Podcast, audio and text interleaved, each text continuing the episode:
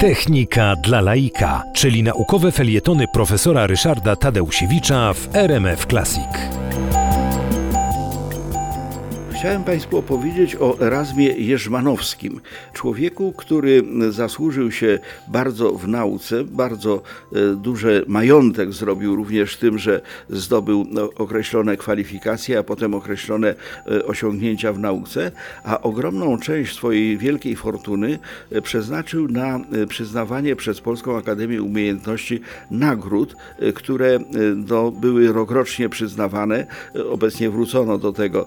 Majątek majątek, który Erasm Jerzmanowski przekazał na te wypłaty nagród Polskiej Akademii Umiejętności, to była taka kwota, która odpowiadała 265 kg złota, więc to była ogromna suma, ale to nastąpiło później. Natomiast początki kariery Erasma Jerzmanowskiego e, zaczynały się dość banalnie. E, na początku brał udział w powstaniu styczniowym, potem musiał oczywiście uciekać z kraju. W Austrii go uwięziono, właśnie jako powstańca. I siedział w więzieniu w Ołomuńcu, ale wydostał się z tego więzienia i w Paryżu, gdzie jego wuj Paweł Jerzmanowski był bardzo szanowany, ponieważ on przebywał z Napoleonem na Elbie, zaoferowano mu darmowe studia.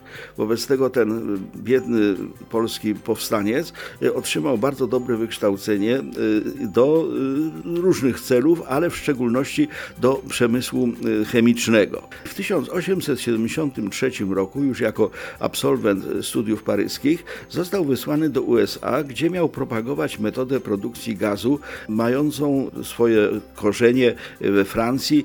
Była to metoda de Monteya. Ta metoda de Monteya była niestety metodą niedoskonałą.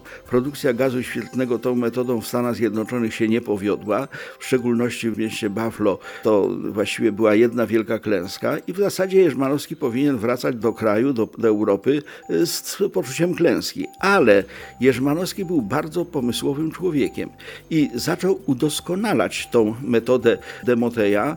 Do tego stopnia ją udoskonalił, że miał bardzo liczne patenty, y, oświetlił y, gazem świetnym najpierw Nowy Jork, a potem 40 innych miast e, Ameryki.